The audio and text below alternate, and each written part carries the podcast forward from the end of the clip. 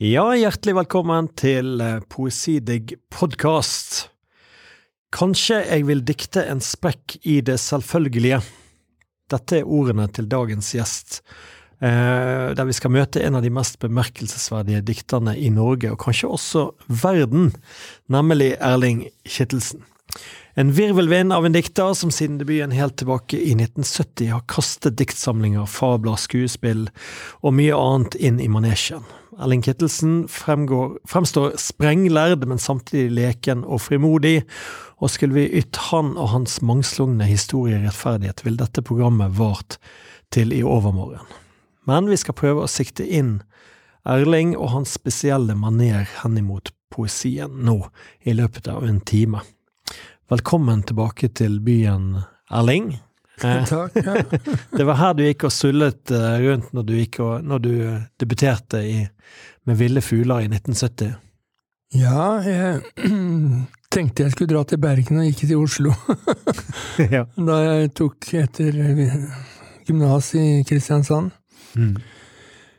Så kom jeg til Bergen og fant det som et åpent sted. Mm. Så jeg tok det litt improvisatorisk, Ja, ja. med studier og alt. ja. Vekslet litt sånn mellom. Og, det er ingen, det er ingen bombe hva du, hva du studerte. Det var Ja, jeg studerte religionshistorie og filosofi og norsk. Mm. Jeg tok tre sånne småfag først, det, og så penset jeg inn på religionsfenomenologi. denne, denne, og, og, og norrønt. Altså denne kombinasjonen av fag høres ut som en god oppsummering av din egen poesi, faktisk, mer eller mindre. Ja. Mm. Men, men det var her du fant på en måte feltet ditt, eller det som også skulle bli eh, spennet i forfatterskapet, da?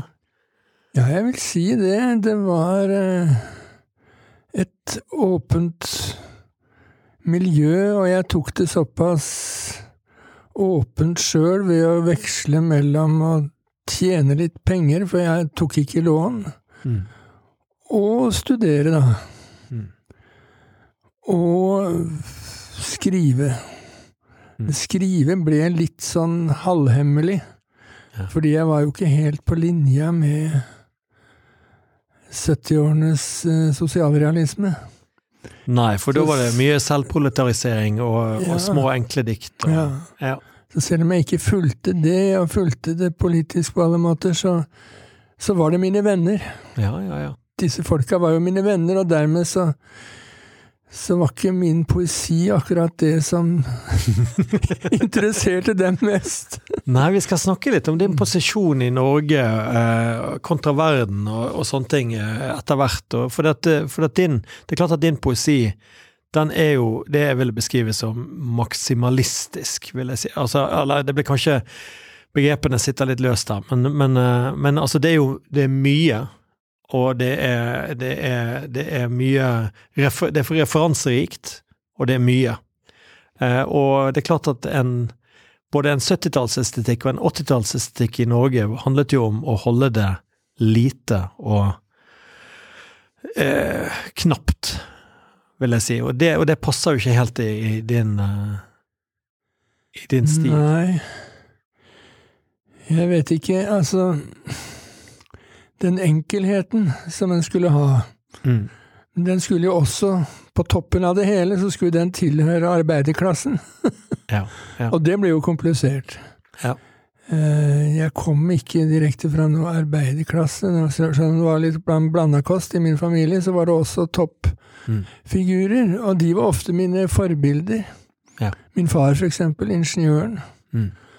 Han var det mest tolerante mennesket jeg har vært ute for. Ja, ja. Og da er det ikke så veldig hyggelig å tenke at jeg burde sable han ned. ja, ja, ja. Henger han opp på en lyktestolpe. Ja.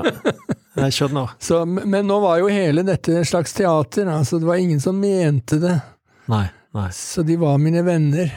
Ja, ja, ja.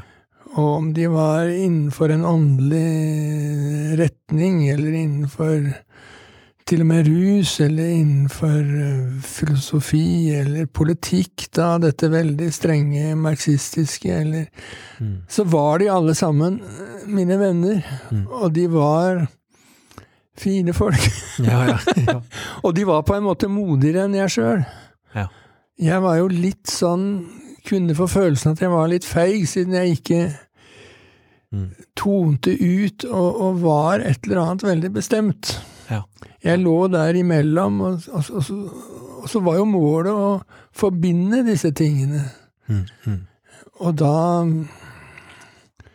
Ja. Da var jeg jo ikke en som sto for en bestemt leir eller mening, så, så, så jeg følte meg litt sånn spak sjøl. Så, så, så det var ikke så veldig vanskelig å holde skjult at jeg egentlig, mestedelen av tida, så satt jeg med noen sånne, så, sånn som Trebuen, en bok og sånt, altså. Mm. Og, og skrev om igjen og om igjen noen tekster. Som, som ikke helt jeg ble bedt om å lese, for å si det sånn. Ja.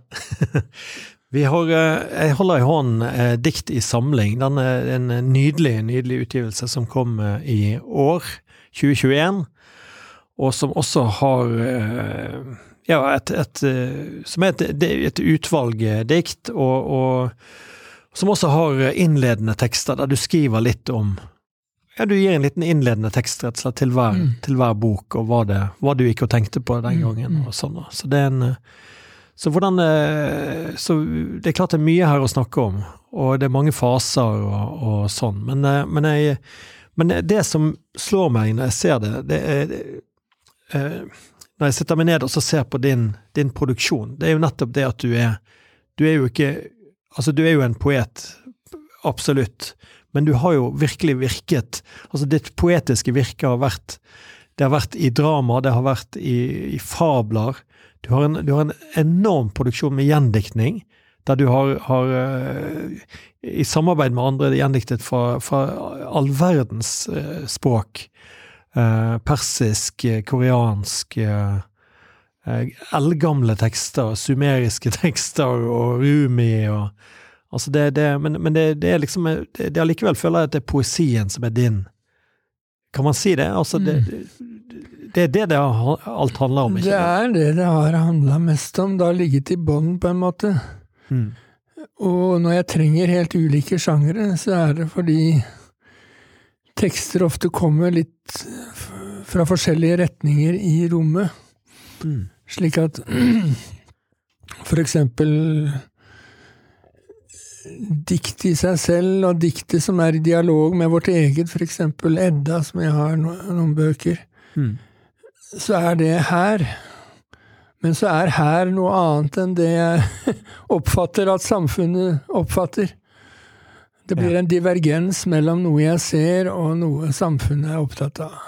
Ja. Og da blir jo en del av greia det blir å komme med en annen oppfatning Ja. Av eksempel Edda. Et helt annet sjikt, som ikke er så styrt av historiske fakta, Mm. men som er styrt av poetiske bilder. Ja. Som i eldste tid kalles da mytiske bilder, men disse tingene går over i hverandre. Ja, i, i, i fire bøker så har du oppholdt deg uh, direkte med Edda, altså uh, i bøkene Hund, Vindkald, Brageseiler og Fredsslutning. Og det er bøker som er skrevet over eh, til en 20-årsperiode, vil, jeg- vil jeg kanskje si. Mm. Uh, og, og hva er det du Altså din interesse for denne her eh, teksten, hva, hva er det som Eller hvor, hvorfor er det viktig å forstå den? Altså Du sier at det er en divergens mellom hvordan samfunnet ser på disse tekstene, eller kanskje ikke bryr seg om disse tekstene, Mm. og, og din ditt dypdykk der. Eh, Hvor, hvorfor er det viktig altså, å få det opp eh, i, i, i lyset? Ja, en opplever vel at det er blokkeringer, da, i, i kulturen og tradisjonen. Mm. Det er blokkeringer som, som gjør at visse temaer blir tabu, og, og, så, og, og så samtidig så kommer økonomien mer og mer inn i bildet. Mm. Man kan ikke slippe gamle forestillinger. Og man kan ikke slippe det som selger, ikke sant? Men så blir det som selger, det blir noe sånn helt umulig, nesten. For eksempel når det gjelder vårt vikingimage. Ja. Ja. så tror vi jo det at eh, nordboerne som gikk omkring her i vikingtida, de var vikinger. Ja. De var jo skinnkledde mennesker Mm. Mm. som hadde forskjellige trosformer, som hadde handel og kjærleik og alt sånt noe. Ja. Men man tror liksom at Og så projiseres disse vikingtingene Mm. inn i også poesien, men den kommer jo kanskje øh, langt borte fra, eller er oppstått i folk som psykisk er langt borte, eller Ja. prøver å, akkurat som vi dikter i dag, prøver å, å dikte noe annet. Mm. Og, om, noe som skal fortelle noe annet enn det de fleste er opptatt av. Så, så Mm. Disse, den eldste poesien, den er jo liksom også Den kan ha sånne elementer som vi kjenner igjen fra historien, Mm.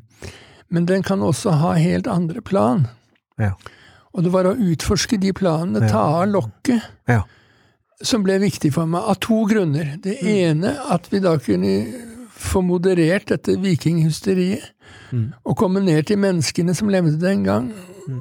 Og at de hadde forestillinger på mange måter. Og kanskje sto i forbindelse med tradisjoner som var også fjerne, og hvor kanskje vi var av helt andre grunner enn tokter. Det, Mm. det vises jo mer og mer i utgravinger at nordboere kunne også leve fredelig Ja. sammen, og, og vi har andre historiske fakta som tyder på det, men mest er det at det litterære overgår historien på den måten at den kan ha en billedrikdom som også bringer mennesket til seg sjøl, Mm. og som ikke er så veldig knyttet til øh, måter å være på som, som, som vi er fiksert på og sånt, altså. Mm. Så, så, så det ble ta av et lokk. Ja. Og det tabuet ble jo også under krigen, da, da dette ble stemplet som ja det, viktige greier for å bygge hierarki og for å få mytene på sin side. Og Ja. da var det et poeng for meg å avdekke det, vise at det ikke holder. Altså mytene inneholder ikke dette hierarkiske Nei. som fascister har prøvd å vise. Mm. Ja, Snarere for, tvert imot. nettopp. For nazister og fascister prøvde å bruke dette stoffet til sin, ja. i sin mytebygging. Ja, Mm. Det er snarere tvert imot. Mytologien, den norrøne, er veldig knyttet til at alle gudegrupper, alle sånne Mm. typer makter, de er vevet inn i hverandre. Mm. Mm. Og er pantsatt i hverandre. Ja.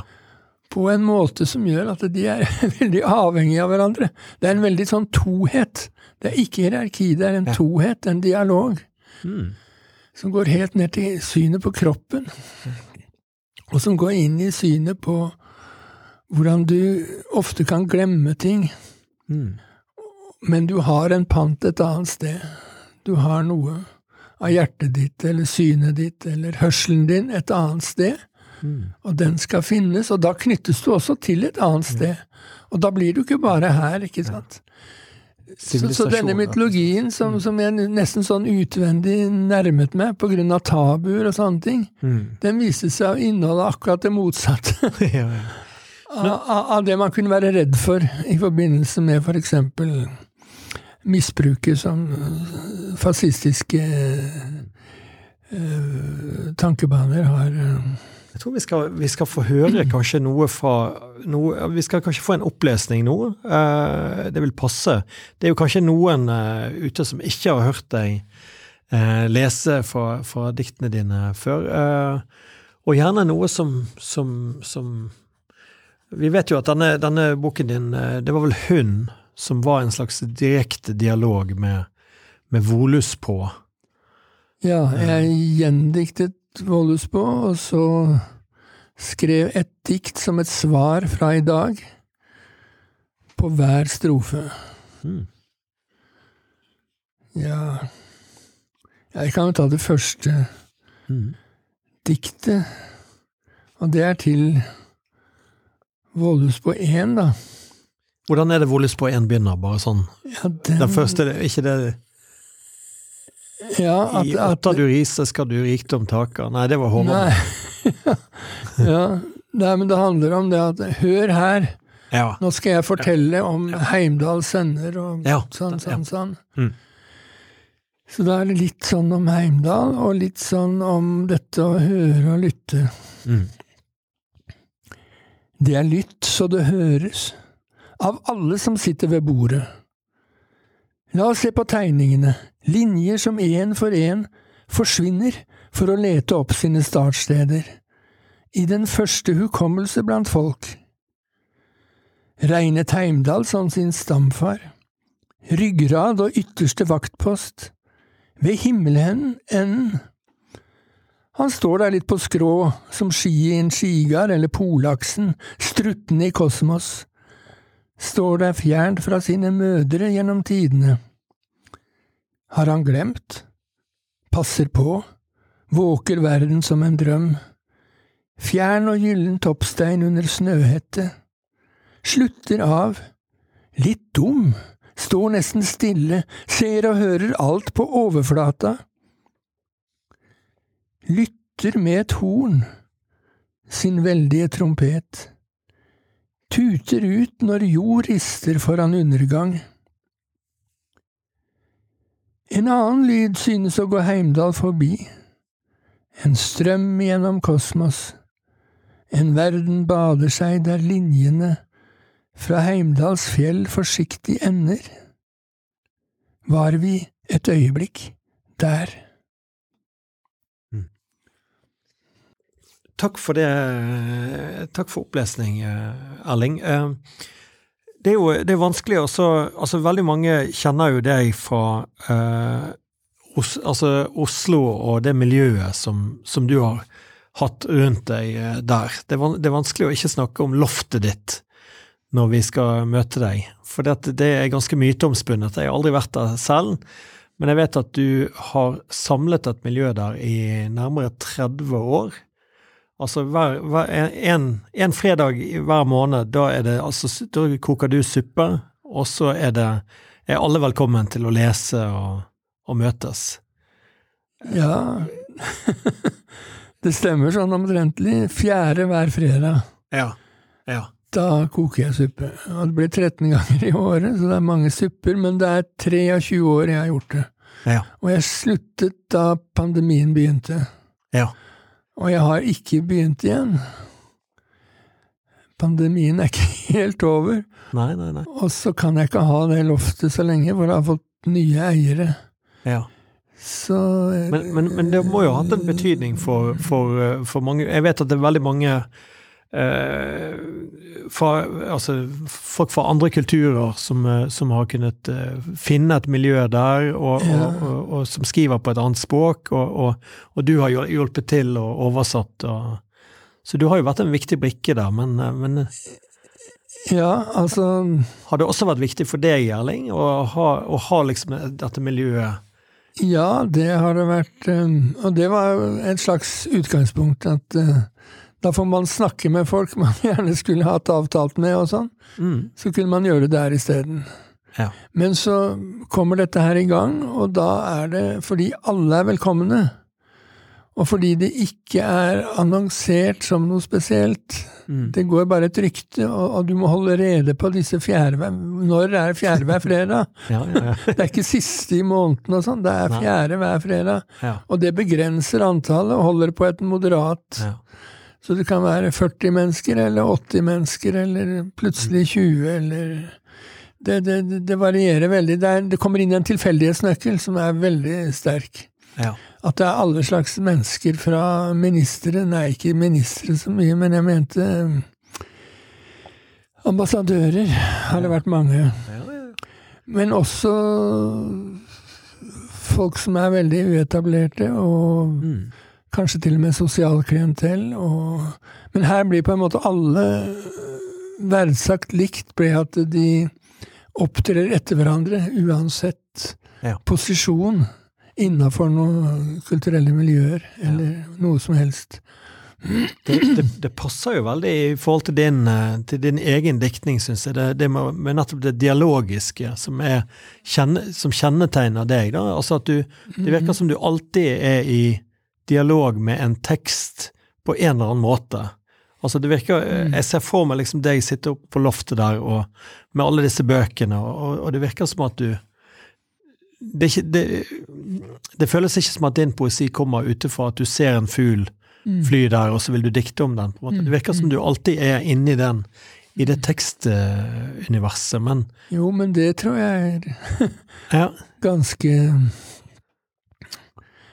Ganske bra sagt. Eh, Jeg kan også dra på flukt og bli påvirka av det som oppleves eller kommer til meg. Mm. Men det er veldig mye dialoger. Men også det å lese. Altså lese i forsamlinger. ja. Mm. Så opplever jeg at det at det er mange typer mennesker i et rom. Det gjør det mye enklere Mm. å lese poesi. Kanskje ikke all slags poesi, men og, og, og, Så jeg, jeg forbinder ikke poesiopplesning med sånn stearinlys og intim atmosfære. Nei. Det kan være fint. Mm. Jeg, jeg vil ikke si noe om gærent. nei, nei, nei. Men, men altså Det er veldig bra med store rom. Ja. Og veldig bra at det bare du, du, du kan liksom synge ordene ut i forskjellige steder i rommet, akkurat som der sitter de, og der er de også sammen, ikke sant? Mm. De har også en dialog med hverandre. Ja, ja.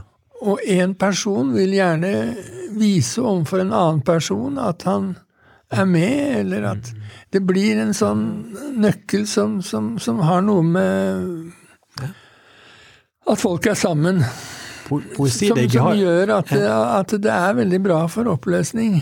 poesi deg har nok hatt den samme funksjonen her de siste åtte årene. Med, med, vi har hatt også mye åpen mikk, og liksom det at, Ja. at alle er velkommen, og så, så Ja. sitter man og Ja, deler. det er veldig fint, for at det poetiske er jo noe genuint menneskelig som også alle er der på en måte, men andre, noen har ikke i forhold til ord på den måten at de kunne tenke seg å skrive, men de har det kanskje i seg. Ja.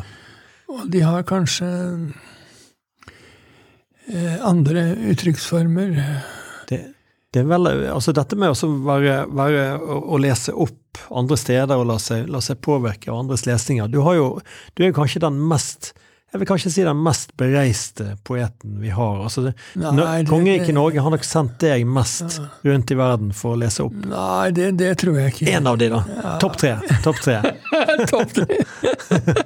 Altså, du har vært i altså det, Når jeg leser din biografi, så Eller det virker som du har vært over hele verden. Og, Ja, og- men veldig lite i Vest-Europa. ja. Veldig lite, for der styrer altså, altså vårt rom i Vest-Europa og i Norge er jo okkupert av penger. ja. Akkurat som andre land kan være okkupert av islam eller en statskommunisme eller et eller annet, ikke sant. Land har store problemer, og vi har store problemer. Men det er jo poesifestivaler her, her i Vesten også. Altså Vi har flotte poesifestivaler, og ikke minst i Sverige. Men jeg tenker på samfunnet Ja. hele det litterære system i Norge, så, så skal ikke poesien selge. Den skal ikke selges i butikker. Den skal, altså, man, man bruker markedsmessige mekanismer som låser alt. Som er hypoteser, og som er eh, Men tror du også det er derfor din poesi Poesi er mulighetene. Ja, ja. Og de ligger alltid under skorpa. Og derfor så unnflyr de all form for markedsføring. At den ligger der og der og sånn og sånn og sånn. Den må liksom fanges opp. Man må tro på den, og så får den et gjennombrudd. Mm. Og der ligger Norge kjempelangt etter. ja. Men vi har mange andre styrker, både kulturelt og i, i, i, i miljøene.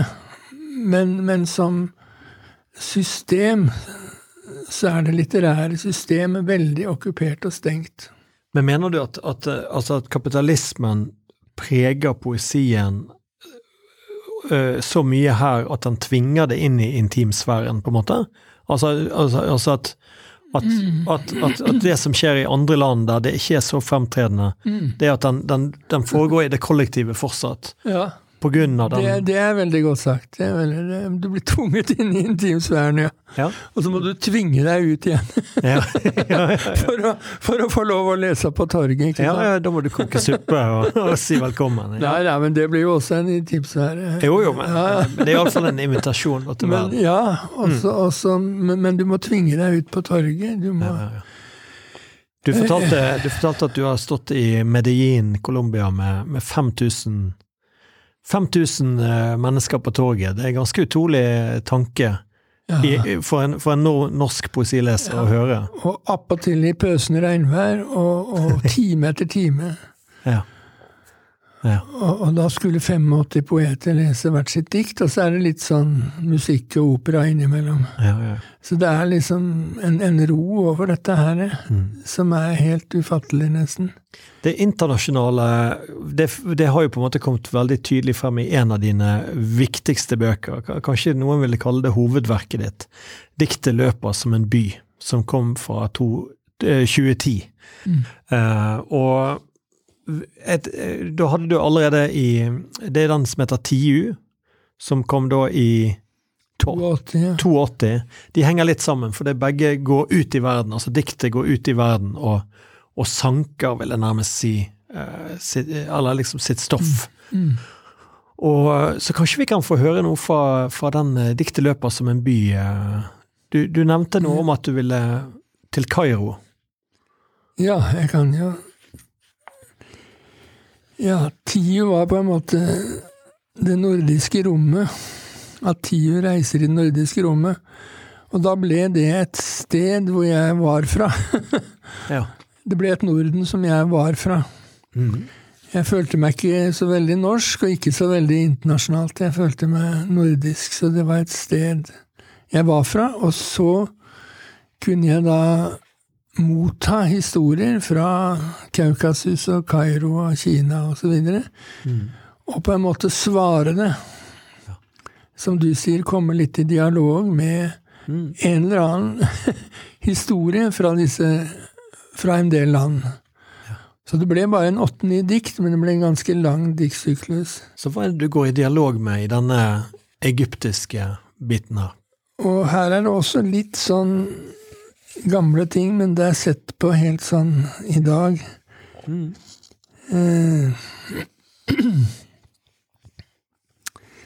Jeg har aldri vært i Kairo, kom til andre midtøstbyer, men den puster stråler mot meg, vid og rørlig verdensbyen, svømmende i deltalandet.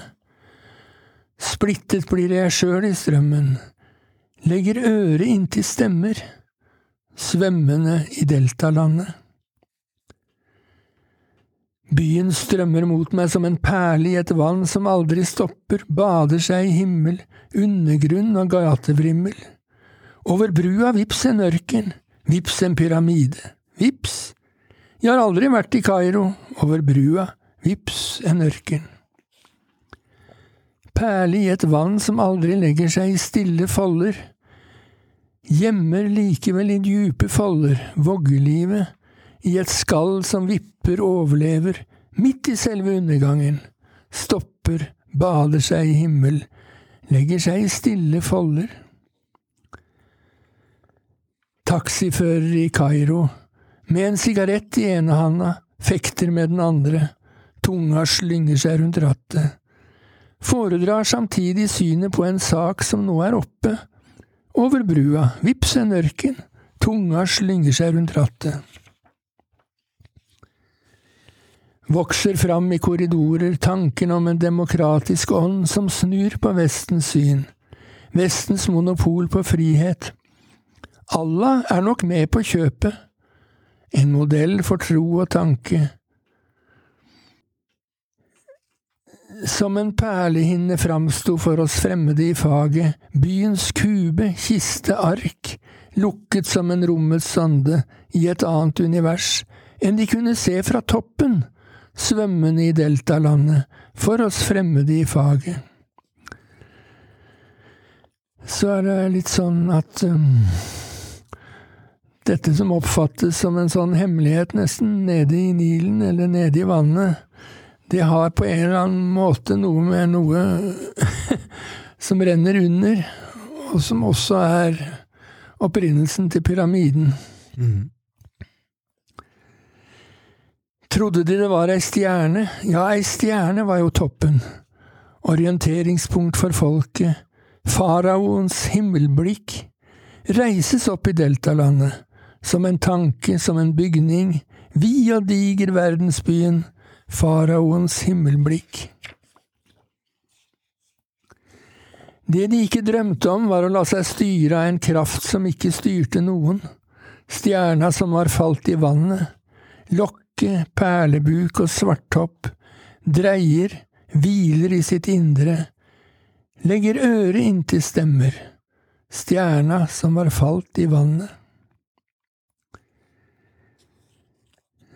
Ja Jeg vet ikke. Mm. Det er et langdikt, dette. Ja, det er et langdikt, som nå feier over 10-15 sider Nei, vers her. Mens hun levde sine dager helt på kanten av et stup. Fisken svømte glad der nede, mannfolk lekte seg på stranda. Gikk hun ned i deres nattklubb, kledde av seg foran øynene. Går du der og ser på meg? Helt på kanten av et stup? Tok hun på seg sløret sitt, vendte pengeliv i ryggen, ingen greide voldta henne, brant seg framme, brant seg bak, lukket sonde til hun løp i lufta som en fjærlett vogn, spor som mangler, hører til, vendte pengeliv i ryggen. Veien ut, veien ut var fylt med farer, veien ut var fylt med fred. Veien ut var uten avstand. Kairo vokste som en unge, åpnet seg og lot det strømme. Var det tillatt? Allting fantes, gjenskinnet fra hele verden, åpnet seg og lot det strømme. Tusen takk, eh, Erling. Det, det var altså fra diktet 'Løper som en by', men lest fra dikt i samling, da, som kom, kom i år. Um, dette med at, eh, at Altså, du, du, eh, du har nedslag Altså, du, dine dikt, de finner Eller de vinner på en måte hjerter rundt i i mange verdens eh, land. Nå har du nettopp vært i Romania og, og fått en pris der. Eh, og, og du har, du har altså blitt oversatt til, til eh, de mest uvirkelige språk. Altså, jeg visste ikke engang at ala, alanerne fantes. Men, det, men hvordan var det denne alaniske eh, forbindelsen egentlig oppsto? Ja, jeg kom til Karachai, som du nevnte da, Mm. Fordi et dikt i nettopp diktet 'Løper som en by' var oversatt til karachaisk Ja. av en stor eh, russisk dikter. Mm. Og da trodde jeg bare at jeg skulle prate med folk i miljøet og sånne ting, fordi de ville jeg skulle komme ned der, da. Så jeg, men jeg dro for egen regning. Mm. Og så var de helt fantastiske, som mennesker ofte er eh, gjestfrie og Mm. og viste meg blant annet en kjerke jeg spurte etter, som jeg hadde bilde av. De ville at jeg skulle få se den, da. Og så var det 45 mil unna. Mm. Så de kjørte meg 45 mil fra tidlig på morgenen. okay. Og var da. Professor og poet og studenter og museumssjef og alle mulige i en diger bil. Og vi kjørte 90 mil den dagen, da. Og jeg fikk se den kjerka. Og det var en forunderlig kontakt. Mm. Og jeg skulle se, Den dagen jeg skulle dra, så skulle jeg få se noen flere folk, treffe noen flere folk. da. Og jeg trodde det var på en bar eller noe. Ja, ja. Så kom jeg inn i et rom hvor det var 150 mennesker. Mm. Og da ble jeg intervjua for TV og masse sånt. Og da ble det snakket om alanerne, da. Mm. Og så nevnte jeg hvorfor jeg hadde nevnt det i diktet, da. Ja. Det var blant annet fordi at en del navn i deres epos, altså deres nasjonale epos, Mm. det sto også i Edda. Ja. Og det blir startsignalet for Mm. en hel greie, altså. Mm. For da er jo det plutselig en connection mellom Norden og Mm. dette området. Mm. Og de leter jo etter sine egne røtter. Ja. For de har vært inne i Sovjet, og ting har vært lukket. Mm. Så dette igjen resulterte i at jeg havnet i et eh, seminar i Moskva Ja. med 300 delegater fra hele verden som skulle studere den alanske kulturen. Ja. Og det hadde ikke skjedd på 50 år i Vitenskapsakademiet i Moskva. Og da er du invitert, Da ble jeg invitert, og 300 forskere fra hele verden. Og jeg var den eneste fra Vest-Europa. Ja.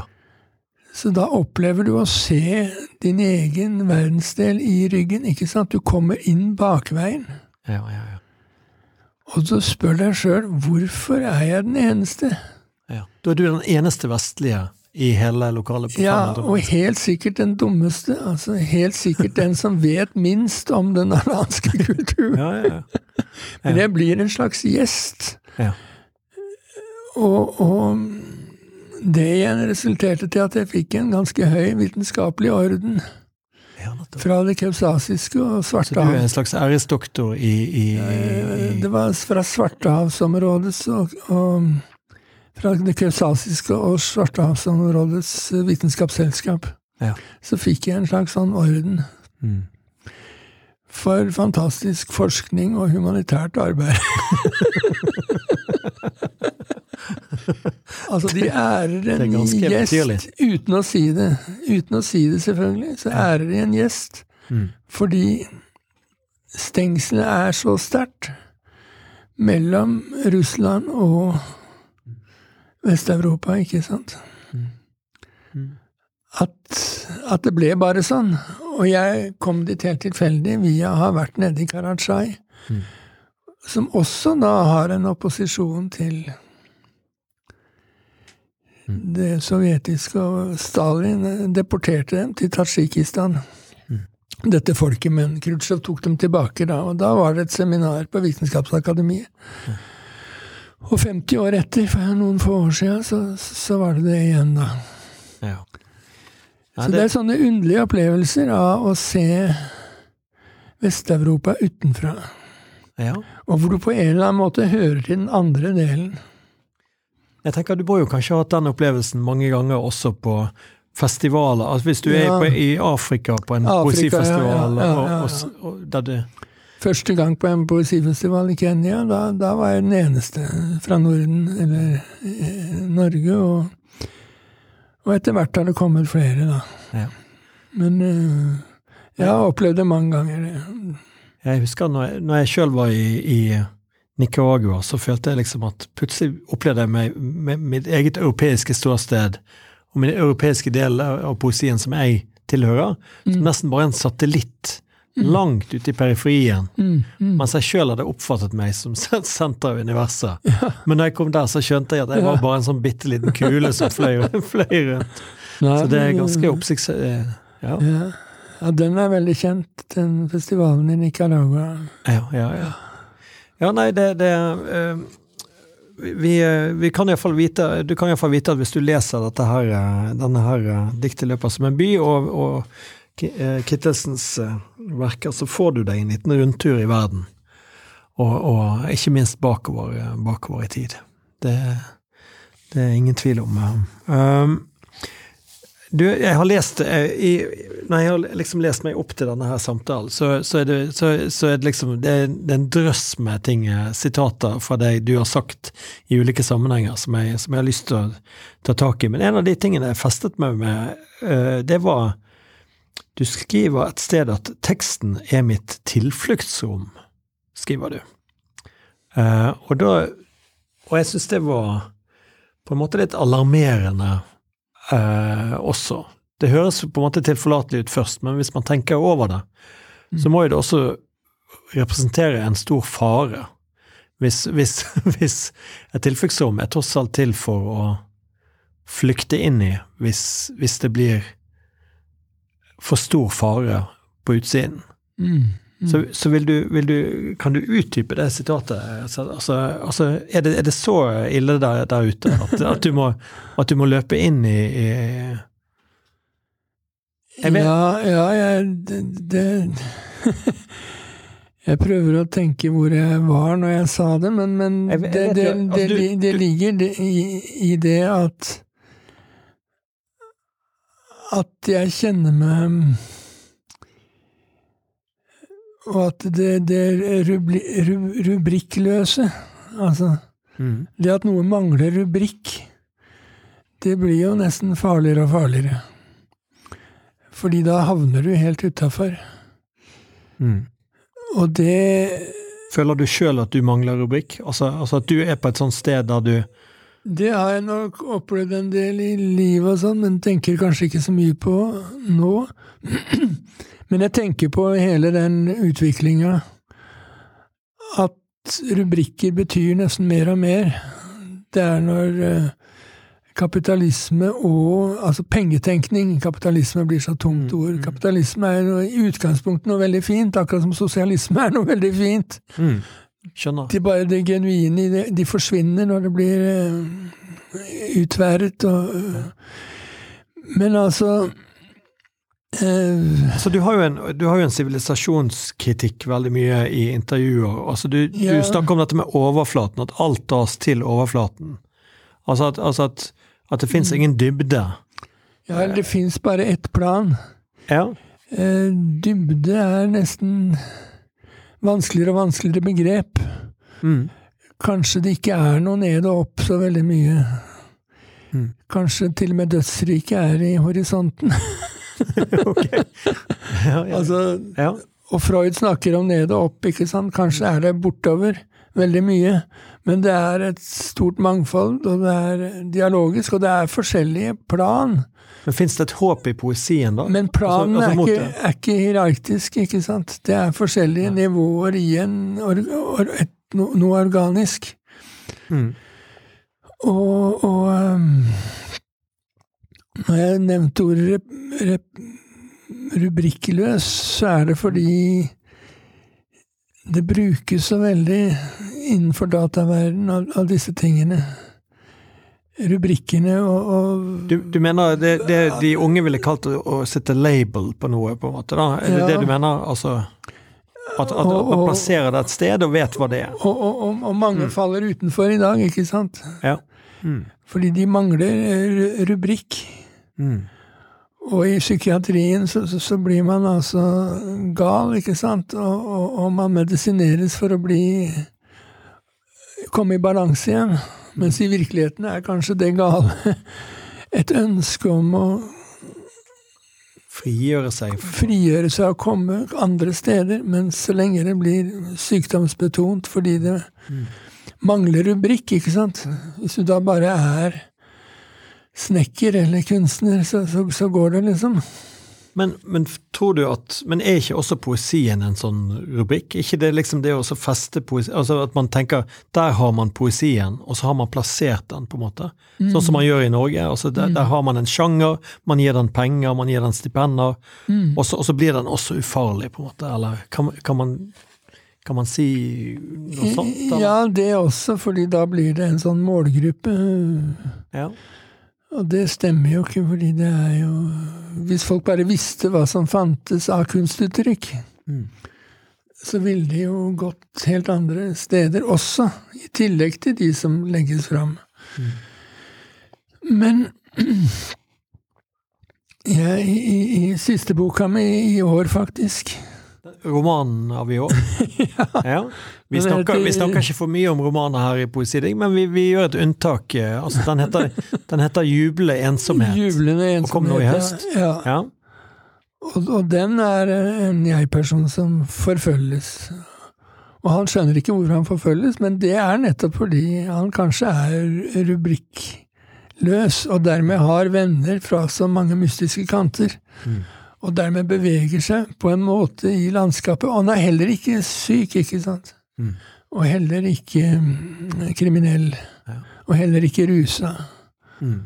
Så da, da, blir han forfulgt, og Jeg gjør dette litt sånn humoristisk også, og, og det kan være en sånn paranoia begge veier. Ja, ja, ja. Men uh, Så da kommer kanskje det, det med dikter med tilfluktsrom er kanskje litt aktuelt igjen? da? Altså, altså at ja, man, man finner et sted der man får lov til å være uten ja, det var det, det som ga meg assosiasjonen. Det var Ja. det uttrykket der. Mm. Fordi da søker man inn i noe som er sikkert, og det er jo ens indre. Mm. Fordi det rubrikkløse er jo ganske mye. Det er jo kjærligheten og, og det meste, egentlig. Mm. Kulturen Ja. er rubrikkløs. Så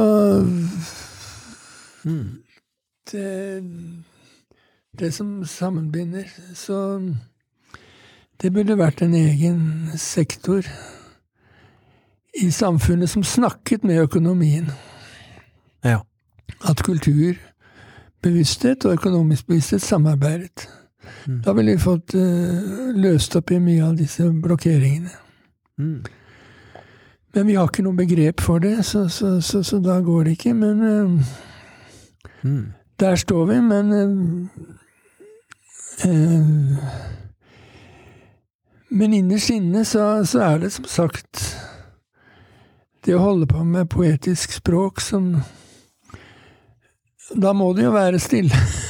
Ja, Da må du jo skygge unna en verden som Så i én forstand så er du alene, og du er ja. i et sånt skjul. Altså, Tilfluktsrom. en annen ting du sier, Erling, det er at, at det er motstand vi trenger.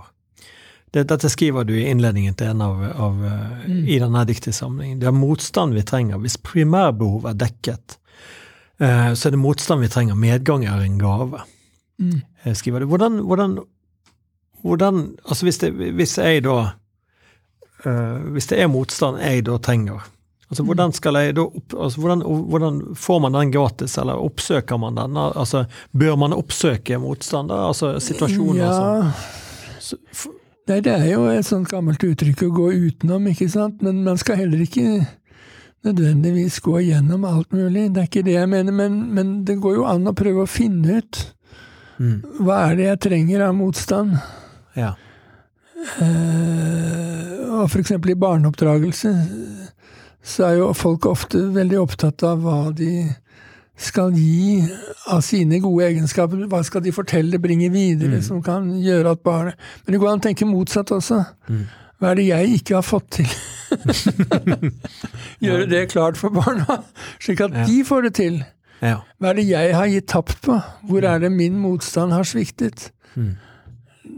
Og da får du fortalt både noe om at de må finne det sjøl, og de har fortalt noe om at Mm. jeg har ikke møtt motstanden tydelig nok, sånn at jeg har kommet igjennom det. Skjønner. Ja. Så motstand er jo på en måte materien. Er det nødvendig også i skriving? Altså for Ja, fordi det er det fremmede. Altså Motstand er også å gå inn i det fremmede. Møte det fremmede. Mm. Hvis ikke du møter det fremmede, hvis du møter bare det som er kjent, Mm.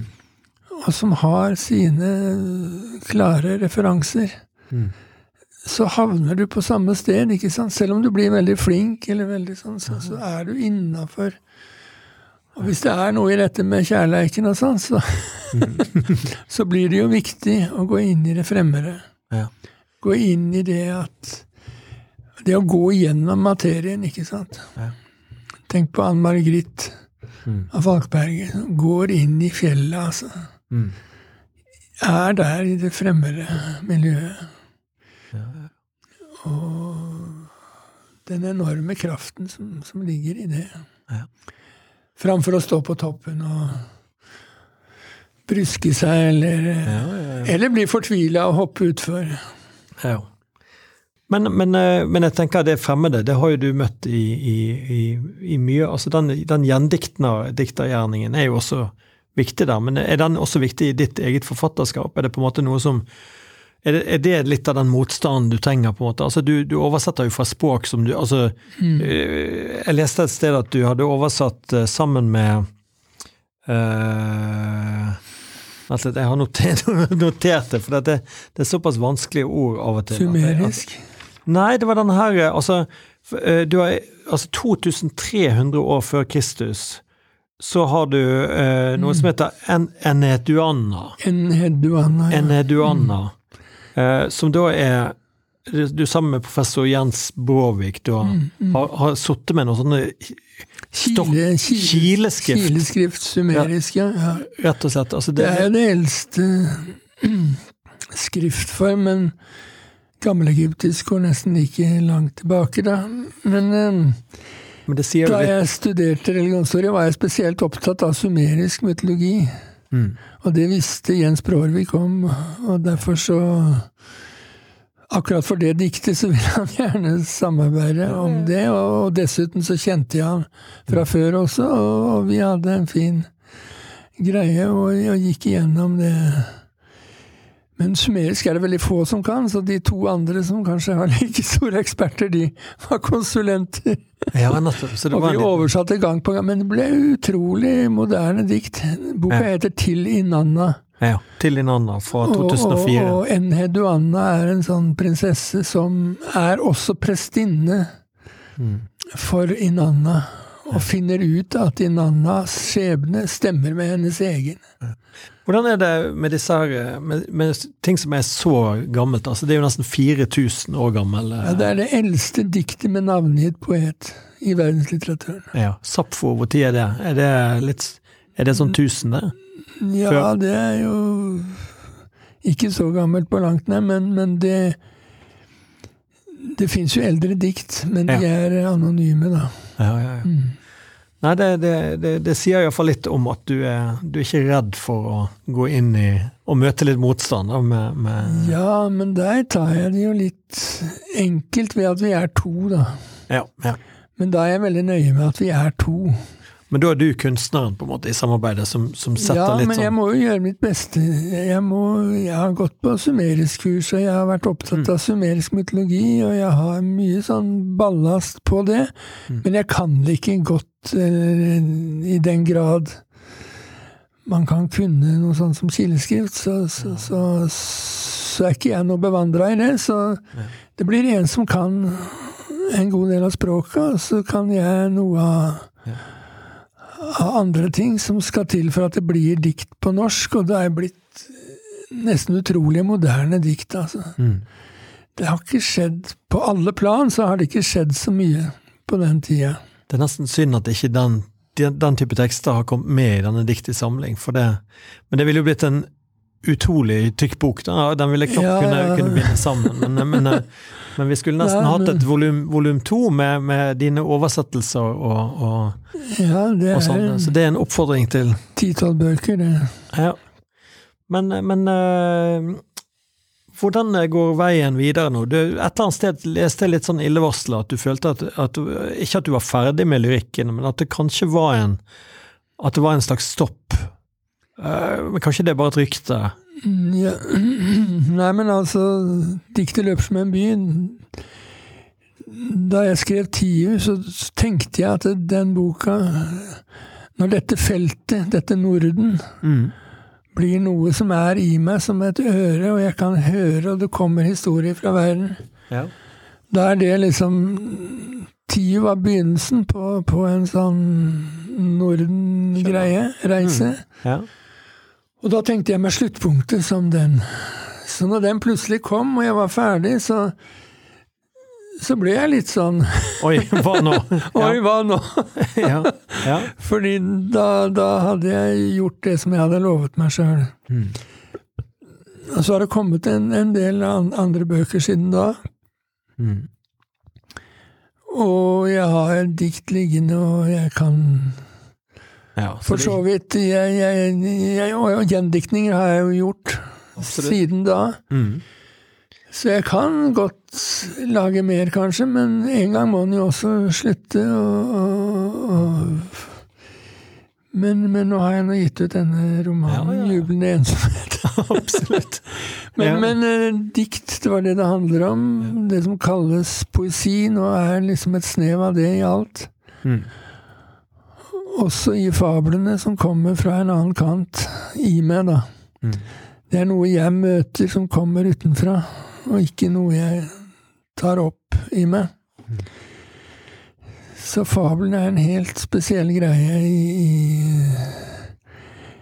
Men uh, ja, nei, vi, vi, har dessverre ikke fått snakket uh, nok om, om, om, den delen. Vi, ikke, vi, rekker ikke det uh, nå, altså, mm. men, men, det er klart at det, det, henger jo Fabel må jo være det som nesten binder hele dette sammen, altså med det, det, mytiske og det skapende, og at du lager dine egne, holdt jeg på å si. Ja, de er sånn rett ut av panna. ja. og, og, og, og jeg lurer på om du kan eh, lese et dikt til slutt, Erling. Altså, denne boken eh, 'Et døgn over le', som kommer i 1981, da, da får du på en måte et publikum, eh, altså fra å ha Eller det er da du på en måte blir, begynner å bli skrevet om, og, og mm. får, et, får, et, navn eh, også i Norge. Jeg vet at Ari Lindeberg kalte det for, for mots, motstandsdikter, så kanskje vi kan lese noe, noe passende derfra til slutt? Akkurat, ja. Det er et strev med telt, vind og regn og surt. Finne plass imellom alt. Slå det opp og fryse litt, eller ha det altfor varmt. Strekke seg i skinnet fra en hvitveis ute. Krype ned og krype ut og se på været, ta ned teltet. Det regna tvers imellom, stå opp frisk og padderask. Nye kom til campingplassen, dreiv med teltet hele dagen, tok en pjalle utafor og sovna strødd. Plukke ned teltet. Telt på telt, presenningstelt, teltduk over fire pinner, slakketelt, banan- og luretelt, farmors telt og lavvo, torvtelt, plast med firepunktforankring, lasso rundt en plugg, stable ned hva huleste telt. Hud mot hud i teltet, kjær bue spent i det lille lyse felt, spent og sluppet, rive teltet, gå med teltet oppunder armene og plugger i en liten bag. Teltet kom og gikk, lytte repertoaret fram, folketreff med bønn og sagflis, ta opp mer og mer, vise hva det står for. Telt foran styresmakter, feid og ryddet unna. Ministrene på tur med sekk. Skal dere på telttur? Teltet sto altså der. Fyrverkeri rundt teltet. Parat. Om grunnen sviktet, henger det i ingenting. Om et lass trykker oppå, spenner det fra i ingenting rigges teltet sterkt som fjell. Men fjellet skal bort, sa de. Det var en veldig, veldig fin uh, avslutning av uh, vår stund her, uh, Erling Kittelsen. det har vært en stor glede å ha deg her i Bergen hos oss. Tusen takk, likeså. Og da takker vi for oss og sier at Poesidig er støttet av Norsk kulturråd og Bergen kommune, og bak spakene der borte sitter Andreas Gravdal som vanlig, og det er bare å gå inn og høre på noen av de andre programmene. Det ligger flere diktere der ute i arkivet og venter. Eh, takk for nå.